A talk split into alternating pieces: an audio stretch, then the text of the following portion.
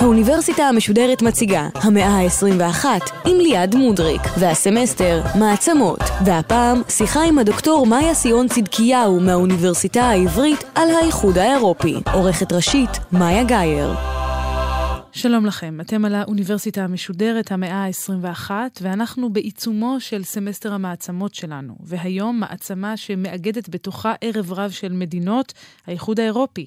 עד כמה בכלל ניתן להתייחס אל האיחוד כגוף אחד, לא כל שכן מעצמה, בפרט בימים שבו הוא אה, ניצב למבחן הברקזיט. איתנו דוקטור מאיה סיון צדקיהו, מרצה בתוכנית ללימודים אירופיים באוניברסיטה העברית, ונשיאת האגודה הישראלית לחקר האינטגרציה האירופית. שלום לך. שלום. אז זו מעצמה? Hmm, שאלה מצוינת. וזה מאוד תלוי איך אנחנו מסתכלים על האיחוד האירופי ואיך אנחנו בוחנים אותו. האם זה איגוד של 28 וכנראה בקרוב רק 27 מדינות, בלי בריטניה, או שאנחנו מסתכלים עליו כישות אחת. זאת אומרת, האם אנחנו בוחנים ומאגדים את האוכלוסייה, את הכלכלה של האיחוד האירופי באופן מצרפי, לאותן 28 מדינות חברות, ואז הוא בהחלט אחד מהכוחות המובילים בעולם, לפחות מבחינה כלכלית, או שאנחנו לא רואים אותו כישות מדינית אחת מספיק מגובשת, אמנם הוא בתהליך התגבשות, אנחנו לא יודעים לאן זה יוביל, הפרויקט הזה. אמ, יש אומרים שזה יוביל לכיוון של פדרציה אירופית, ואז בהחלט נוכל לראות אותו כסוג של מעצמה. אבל אנחנו עוד רחוקים מהכיוון הזה, ככה שזה מאוד תלוי בדימוי שאנחנו אה, מחזיקים באיחוד האירופי ובתפיסה שלו ברחבי העולם. אבל יש דוגמאות לכוח פוליטי ממשי של האיחוד מעבר לשם? אפשר לשרטט מעגלים שונים של השפעה של האיחוד האירופי. דבר ראשון, על המדינות שמצטרפות אליו. אפשר לדבר גם על המדינות שנמצאות בתוכו, אבל אם נסתכל על השפעה כלפי חוץ, על אה, דימוי של מעצמה שאמורה להשפיע על הסביבה שלה ועל העולם כולו, אפשר להסתכל על מעגלים שונים מסביב לאיחוד האירופי, והקרובות אלה המדינות באירופה. אז יש מעגל הכי קרוב לאיחוד האירופי, אלה מדינות כמו נורבגיה, איסלנד וליכטנשטיין מאוד קטנות, שהן ממש חלק מהשוק המשותף של האיחוד האירופי. ושם בהחלט ההשפעה של האיחוד האירופי עצומה, היא מורגשת בחיי היום-יום, בחקיקה וכו'. המעגל השני הוא מעגל המדינות שרוצות להצטרף לאיחוד האירופי. עכשיו, האיחוד האירופי התחיל כשש מדינות חברות, היום הוא 28, זאת אומרת, הוא איחד כבר בתוכו, הצטרפו אליו רוב המדינות באירופה שהן דמוקרטיות, שהן כלכלת שוק חופשי. אז לא נותרו הרבה מועמדות שיכולות עוד להצטרף אליו, אבל הוא עדיין כוח מושך. וכאשר מדינה רוצה להצטרף לאיחוד האירופי, היא חייבת לקבל על עצמה כמה קריטריונים ותנאים, והיא חייבת לעמוד בהם לפני שהיא מצטרפת לאיחוד האירופי. אז היא חייבת להיות דמוקרטיה מתפקדת, עם מוסדות אה, מתפקדים, עם שלטון חוק, עם שמירה על זכויות אדם וזכויות מיעוטים. זה הקריטריון הפוליטי. היא חייבת להיות כלכלת שוק מתפקדת, שתעמוד בתחרות הכלכלית שהיא תיכנס לשוק המשותף האירופי, והמוסדות שלה צריכים להיות כאלו שמסוגלים להכיל את החקיקה של האיחוד האירופי. אנחנו מדברים על חקיקה של 100 אלף עמודים, זאת אומרת, עשרות אלפי, מעריכים את זה כ-27 אלף, אה, חוקים, רגולציות, דירקטיבות, תקנות למיניהן, אמנות, הסכמי סחר בינלאומי. יש פה גוף חקיקה מאוד מאוד מרשים שהאיחוד האירופי עומד מאחוריו, וכאן הוא כן מגבש את המדינות החברות ביחד כסוג של גוש אחד בעולם. אז יש פה בעצם מין כוח התניה כזה. אם נכון. אתן רוצות להיות חלק מהאיחוד האירופי, אתן צריכות לעמוד בכללים שלנו, וכך בעצם האיחוד האירופי יכול לפזר את העקרונות שהוא מאמין בהם, את הכללים, גם דמוקרטיה, גם שוק חופשי. לחלוטין, הכוח ההתניה של האיחוד האירופי הוא כוח מאוד מאוד חשוב, אבל אנחנו צריכים לראות איך הוא עובד. ובאמת, כלפי המועמדות, הן חייבות לעמוד בקריטריונים, האיחוד האירופי בודק אותם, הנציבות האירופית בודקת אותם, ועל בסיס זה הן אה, מתקבלות לאיחוד האירופי. עכשיו, עד היום, יש דוגמה אחת למדינה שלא התקבלה לאיחוד האירופי, שהיא מנסה להתקבל לאיחוד האירופי כבר הרבה מאוד שנים, כבר משנות ה-90, אפשר אפילו ללכת אחורה מזה, וזו טורקיה. זאת אומרת, כשמדינה רוצה להתקבל לאיחוד האירופי, היא תעשה דברים אפילו מרחיקי לכת בחקיקה שלה. טורקיה למשל, אה, אחד מהדברים שאפשר לנכס להשפעה של האיחוד האירופי זה ביטול עונש המוות ב-2002 וב-2004, אבל אנחנו רואים שלאחרונה, בשנים האחרונות טורקיה מתרחקת בעצם מהאיחוד האירופי, והחזירה בשנה האחרונה את עונש המוות, אה, אחרי הניסיון ההפיכה הכושל שהיה נגד ארדואן.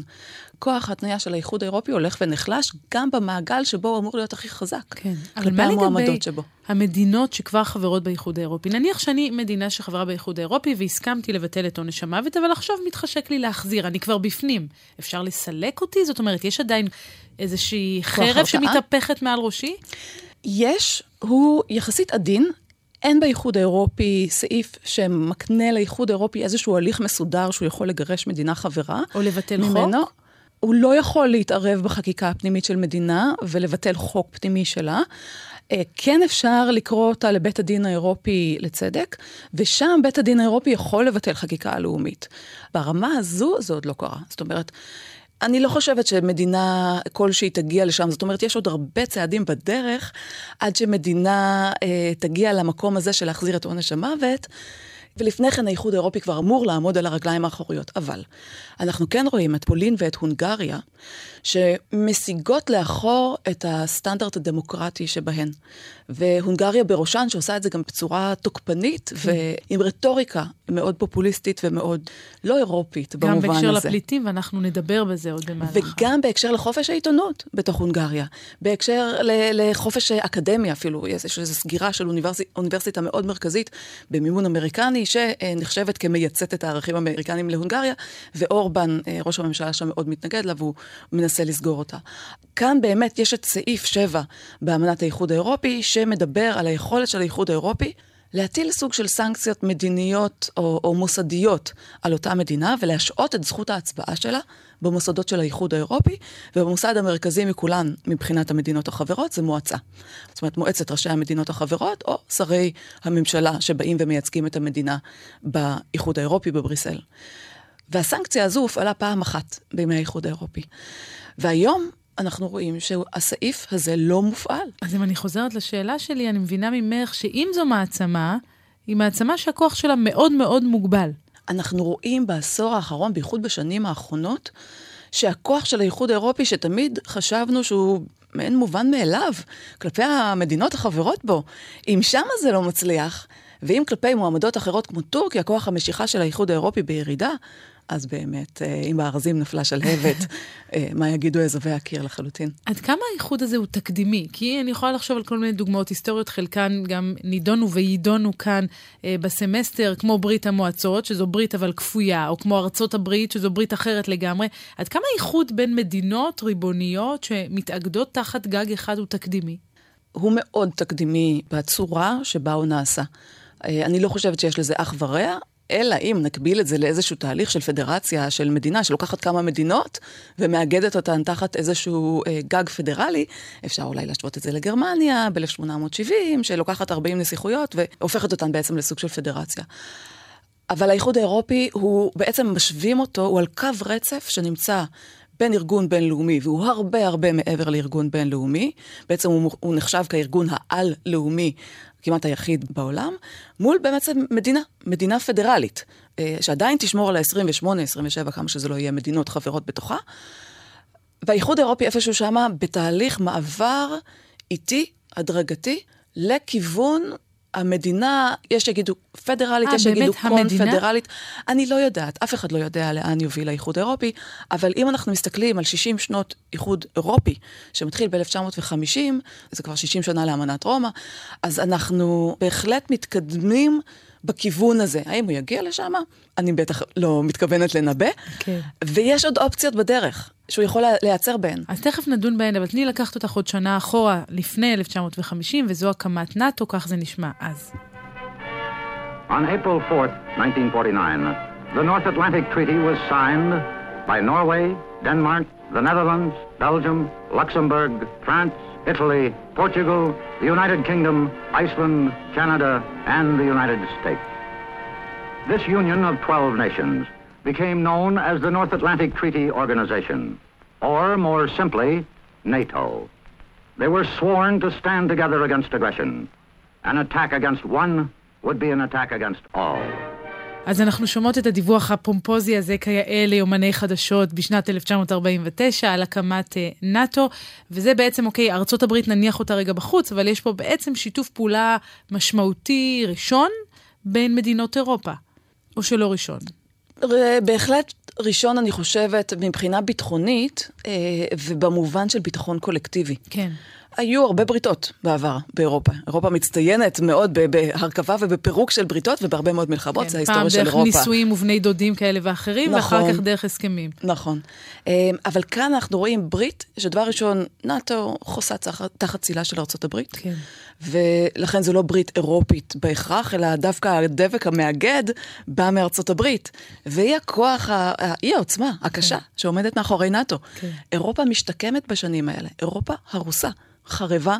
מבחינה כלכלית היא הלכה אחורה עוד שנים אחורה, אפילו יש שיאמרו, מבחינות כלכליות מסוימות, עוד לפני מלחמת העולם הראשונה, בחלקים מסוימים באירופה, הכל חרב. אם את מסתכלת על סרטים מברלין מאותה תקופה של 45 והלאה, יש אחוז ניכר מהבניינים שהוא הרוס. כן. יש ערים כמו ורשה שהם 90 אחוז מהבניינים לא ראויים למגורים, הרוסים, וכך בכל מיני חלקים של אירופה, כך שאירופה צריכה לשקם את עצמה.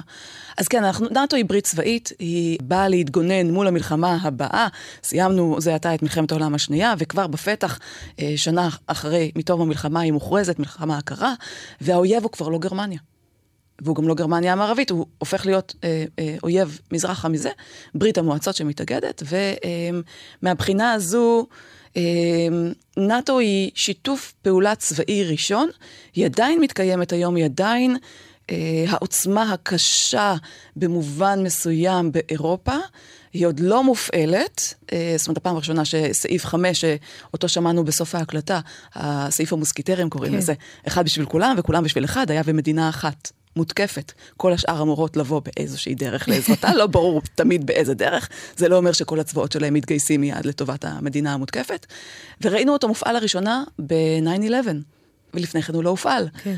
כך שנאט"ו לא עומדת במבחן אה, מהבחינה הזו, ואירופה מתנהלת במקביל לנאט"ו. אז רגע, את מסמנת את נקודת ההתחלה של האיחוד האירופי כקהילת הפחם והפלדה האירופית? שם זה מתחיל? נכון. יש חוקרים שידברו גם על תוכנית מרשל, אותה תוכנית סיוע אדירה, שארצות הברית מקנה סיוע כלכלי, הלוואות אדירות שהן מקנות למדינות באירופה שרוצות לשתף פעולה בדרך שבה הן יחלקו את ההלוואות האלו. אבל אני חושבת שהאיחוד האירופי קם בצורה פורמלית ב-1950, ב-9 במאי 1950, שאז שר החוץ הצרפתי, רובר שומן, מכריז, הוא בעצם מציע לגרמניה ולמדינות מערב אירופיות אחרות שרוצות להצטרף, להקים יחד עם צרפת את קהילת הפחם והפלדה. בואי נשמע. L'Europe n'a pas été faite, nous avons eu la guerre. L'Europe ne se fera pas d'un coup, ni dans une construction d'ensemble. Elle se fera par des réalisations concrètes, créant d'abord une solidarité de fait. אז הוא אומר, בעבר אירופה לא הייתה מאוחדת, הייתה לנו מלחמה, היא לא תיווצר בבת אחת או לפי תוכנית סדורה, היא תיבנה דרך הישגים ממשיים שייצרו סולידריות אמיתית. אבל זה לא בעצם מה שבסופו של דבר יביא ממש לתחילתו של התהליך, כי עוד יהיו הרבה מהמורות בדרך. אני למשל חושבת על שרל דה גול ב-1963 ובריטניה. נכון. אה, שרל דה גול הוא סוג של מהמורה, ומצד שני הוא גם אה, יכול להיתפס כמקדם חלק מתהליך אינטגרציה, אבל הוא בהחלט מהמורה מבחינת בריטניה, כי הוא מטיל וטו על כניסת בריטניה לאיחוד האירופי, ועד שהוא לא אה, יורד מהבמה הפוליטית, היא לא יכולה להיכנס. אז רגע, עד אז בעצם מי חבר באיחוד האירופי?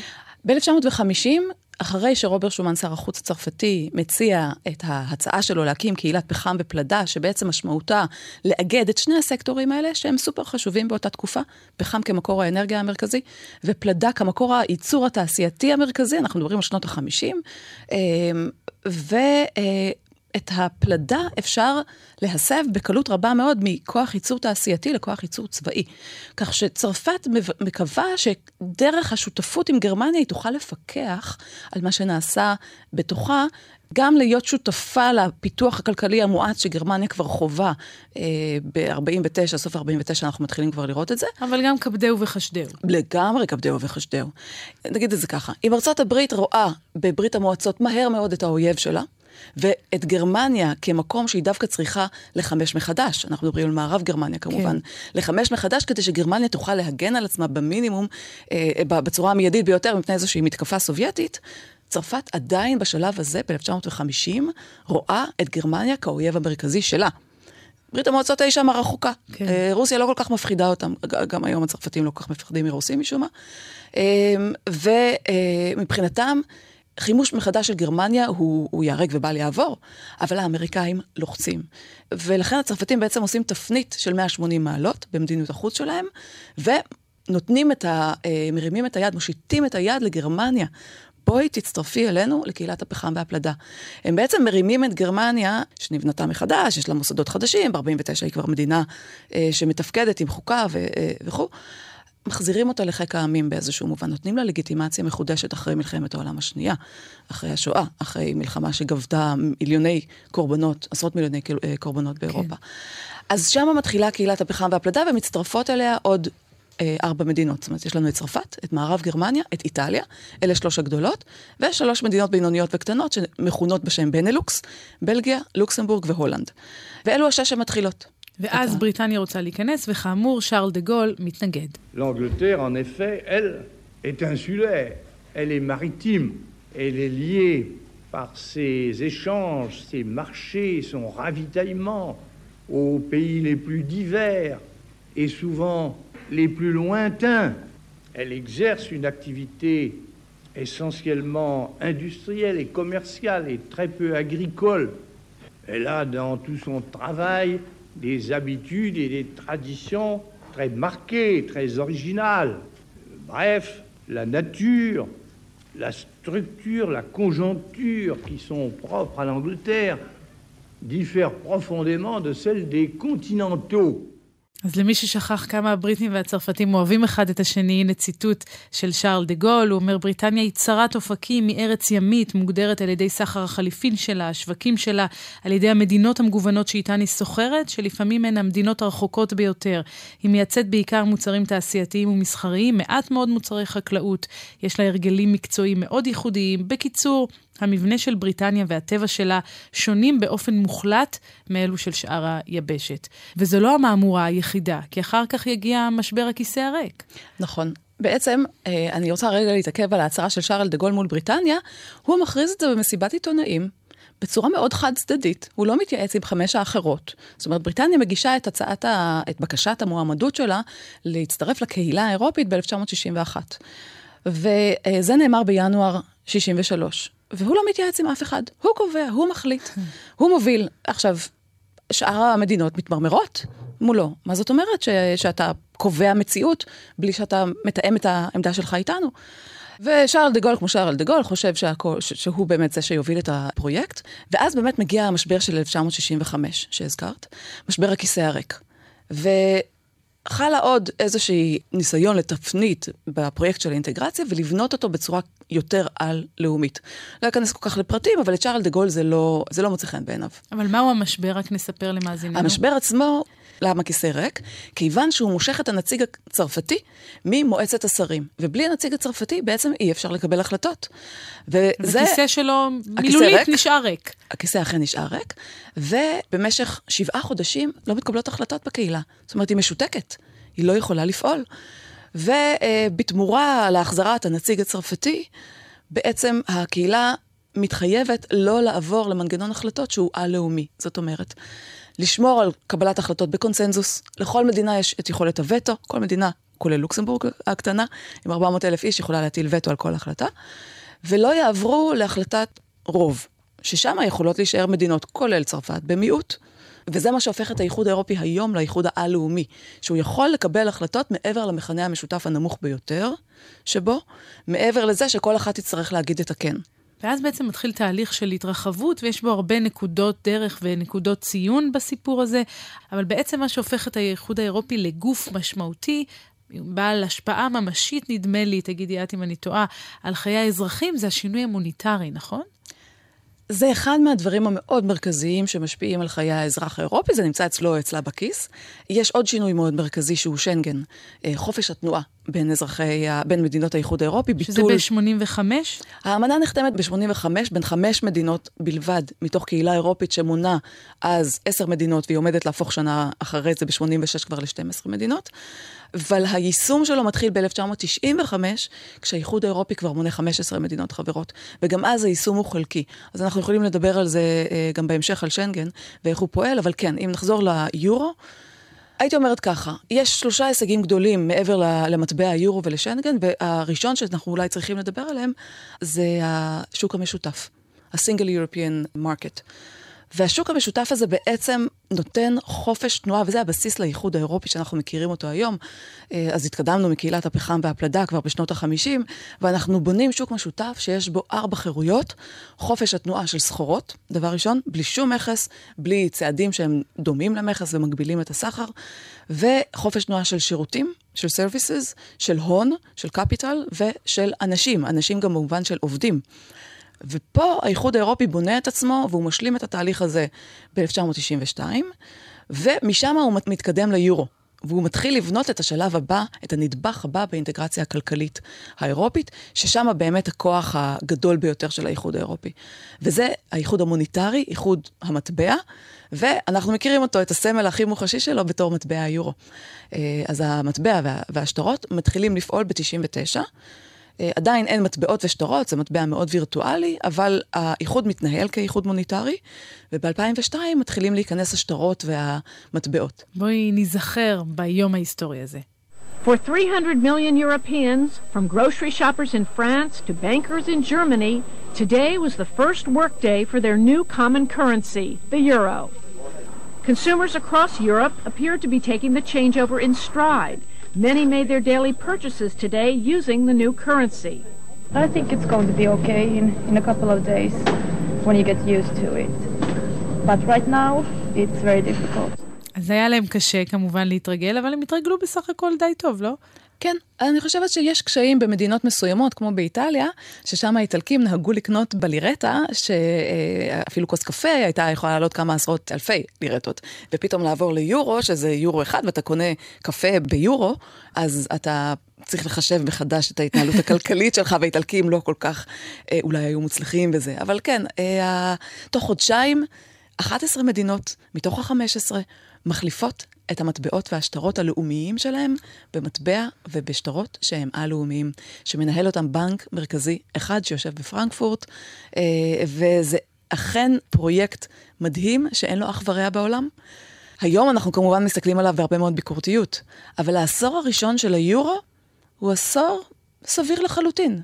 הוא עשור שלכאורה מראה שהאיחוד האירופי עשה את קפיצת המדרגה הזו משוק משותף לשוק שיש לו מטבע משותף, שזה מאוד חשוב כמובן גם לסחר ולאיחוד של הסחר בין המדינות. ו- והוא מתנהל בצורה סבירה, סבירה בהחלט. מה הביקורת שהזכרת? הביקורת, אפשר ללכת איתה לאותו רגע מכונן ששם כתבו את התנאים שהאיחוד האירופי, האיחוד המוניטרי, סליחה, מתנהל לפיהם.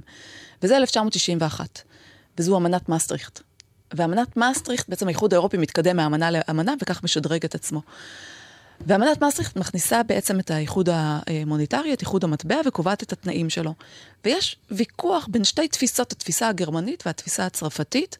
האם אנחנו צריכים אה, לשים דגש על אינפלציה מאוד נמוכה, שזה המורשת הגרמנית משנות ה-30, או שאנחנו צריכים דווקא לשים דגש על צמיחה ועל תעסוקה, שזו אה, על חשבון אינפלציה, גם במחיר של אינפלציה גבוהה. וזו המורשת הצרפתית. והגרמנים מנצחים בגדול. וכל המבנה המאוד ייחודי הזה נבנה בכל זאת על קרעיים. אה, הוא לא נבנה בצורה, לא, לא סוגרים את כל החורים. כן. בונים וילה מאוד יפה, אבל אה, עם חורים בגג. והכל טוב ויפה כשיש שמש בטוסקנה, אבל כשמתחיל לרדת גשם, אנחנו מרגישים, ואנחנו מרגישים את זה חזק. והגשם הזה, הטיפות מתחילות הייתי אומרת אפילו ב-2003, אבל ב-2008 כמובן, עם המשבר הכלכלי בעולם, הגשם מתחיל אה, לחדור למבנה. ובמפגש הבא שלנו אנחנו נדבר על ההשפעה המעשית של האיחוד האירופי על חיי האזרחים, וגם ננסה להבין את התפקיד שלו במערכת היחסים הבינלאומית, לא רק בתוך האיחוד, אלא גם מחוצה לו. אני רוצה אבל לפני סיום להבין לקבל ממך איזושהי סקירה לגבי המבנה של הדבר הזה. זאת אומרת, אנחנו שומעים מהאיחוד האירופי, אנחנו לא מבינים איך זה נראה בפועל. מי מנהל את העניינים? איך זה עובד? אני חושבת שהיינו צריכים אה, אולי, אולי להתחיל לה, בזה. להקדיש לזה תוכנית שלמה, כי האיחוד האירופי, יחד עם כל זה שהוא חיה מאוד ייחודית ביחסים הבינלאומיים, אם תרצי, שוב, בין ארגון בינלאומי לבין מדינה, אפשר לקחת פה את מדע המדינה ואת יחסים בינלאומיים ביחד, הוא איפשהו בתווך. החיה המאוד ייחודית הזו פועלת במבנה מוסדי שהוא ייחודי, הוא איזשהו יצור כלאיים. יש לנו ארבעה אה, מוסדות מרכזיים ועוד שני מוסדות חשובים. ארבעת המוסדות שאני אפתח בהם הם הנציבות האירופית, והנציבות האירופית, ה-European Commission, היא זו שבעצם מובילה את ייצוג האינטרס העל-לאומי. היא מדברת בשם פרויקט האינטגרציה האירופית. היא מדברת בשם האיחוד האירופי, בשם לכאורה אזרחי האיחוד האירופי אה, וכו'. ויושבים שם כיום 28 מדינות חברות, יש 28 נציבים, אחד מכל מדינה חברה, אבל הם לא מייצגים, או אמורים, הם מתחייבים, הם ממש נשבעים, אה, כשהם נהיים נציבים, לא לייצג את האינטרס הלאומי של המדינה שלהם, אלא, שוב, את האינטרס האירופי. והם אלה שמנסחים את הצעות החוקים אה, ואת הצעות ה, אה, הרגולציות והדירקטיבות של האיחוד האירופי ודברים נוספים, מדיניות. הם מנסים להוביל מדיניות. מולם עומדת המועצה. כשהמועצה, אפשר לחלק אותה לשני גופים. בראש הקודקוד עומד, אה, עומדים ראשי המדינות החברות, בעצם זו המועצה האירופית, ה-European Council, ושם נמצאים אה, אנגלה מרקל, ועכשיו עמנואל מקרון, ותרזה מיילו לעוד הרבה זמן, שם נמצאים ראשי המדינות החברות, והם מתווים את האסטרטגיה של הגוף הייחודי הזה, והם מקבלים את ההחלטות הגדולות. מתחתם יש את מועצת השרים. ויש פה הרכבים שונים של שרים, ששרי החקלאות למשל נפגשים אה, בבריסל ומחליטים בענייני חקלאות, ושרי החוץ כמובן אה, נפגשים ומחליטים על מדיניות החוץ. שרי פנים יכולים להתכנס ולהחליט על אה, ענייני שנגן ועניינים אחרים, כמובן כל משבר המהגרים. שרי האוצר כמובן והכלכלה יחליטו לגבי השוק המשותף ועניינים שכאלו. ויש פה הרכבים מסוימים, איזה עשרה הרכבים בתוך מועצת השרים, שהם מתכנסים אחת ל, לפי הצורך, ומקבלים החלטות במשותף. כשלאורך השנים, מ-1950 עד היום, האיחוד האירופי עבר ורוב ההחלטות במועצת השרים מתקבלות ברוב. זאת אומרת, שארל דה גול שדיברנו עליו, כן. שניסה, שניסה למנוע אה, בגופו או בהיעדר גופו במשבר הכיסא הריק את קבלת ההחלטות באיחוד האירופי ובקהילה האירופית דאז, ובאמת הצליח לעצור את העל-לאומיות במנגנון קבלת ההחלטות במועצת השרים, זאת אומרת, קבלת החלטות ברוב. הצליח לעצור את זה עד שנת 85, למרות שהוא כבר לא שם, כבר משנת 69. ברור. אבל הוא הצליח לעצור את זה עד 85, ואז אנחנו מתחילים טיפין טיפין, כל אמנה של האיחוד האירופי מתחילה לעבור עוד ועוד להחלטות רוב, והיום 90 אחוז מהסעיפים באמנת ליסבון, זו האמנה האחרונה שהאיחוד האירופי הגיע אליה, מתקבלות בהחלטת רוב במועצת השרים.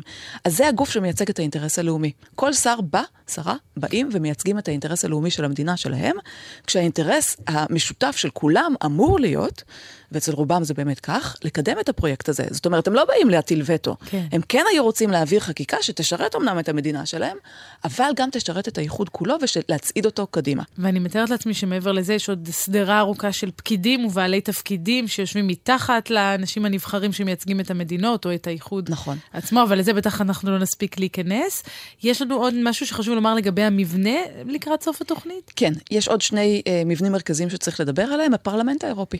הפרלמנט האירופי מתחיל את תחילת דרכו כאספה, אספה מייעצת. היא לא אספה מחוקקת. ובשנת 79 זו הפעם הראשונה שהפרלמנט האירופי נבחר בצורה ישירה. ומשם הוא מתחיל לחזק את כוחו, והיום הוא בית מחוקקים. זאת אומרת, יש לנו שני גופים מחוקקים באיחוד האירופי, הפרלמנט האירופי ומועצת השרים. כן. הנציבות מציעה את הצעת החוק, אבל היא עוברת לשני הבתים האלה, מועצת השרים והפרלמנט הם המחוקקים. והגוף הרביעי? הגוף הרביעי הוא בית הדין האירופי, אה, ששם מביאים אליו את כל הסכסוכים, והוא פוסק, הוא יכול לבטל חוקים לאומיים, הוא, הוא בהחלט גוף משמעותי, אבל אה, לא יוזם ולא אקטיבי. אז ארבעת הגופים האלה יחד בעצם יוצרים את המארג שהוא האיחוד האירופי, וכאמור, בעוד שבוע ננסה שתינו להבין איך המארג הזה מצליח לנווט את אירופה לעבר אולי עתיד טוב יותר, לפחות זו השאיפה שלהם, ואיך המארג המושג הזה משתלב במערכת היחסים הבינלאומית בכלל, גם מחוץ לגבולות אירופה. אני רוצה מאוד להודות לך בשלב הזה. תודה לך. תודה.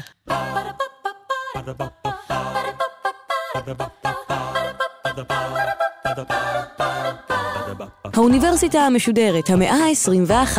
ליעד מודריק שוחחה עם הדוקטור מאיה שיאון צדקיהו מהאוניברסיטה העברית על האיחוד האירופי. עורכת ראשית, מאיה גאייר. עורכות ומפיקות, נוגה קליין ותום נשר. מפיקה ראשית, אביגיל קוש. מנהלת תוכן, מאיה להט קרמן. עורך הדיגיטל, עירד עצמון שמייר. האוניברסיטה המשודרת בכל זמן שתרצו באתר וביישומון של גל"צ, וגם בדף הפייסבוק של האוניברסיטה המשודרת. Bao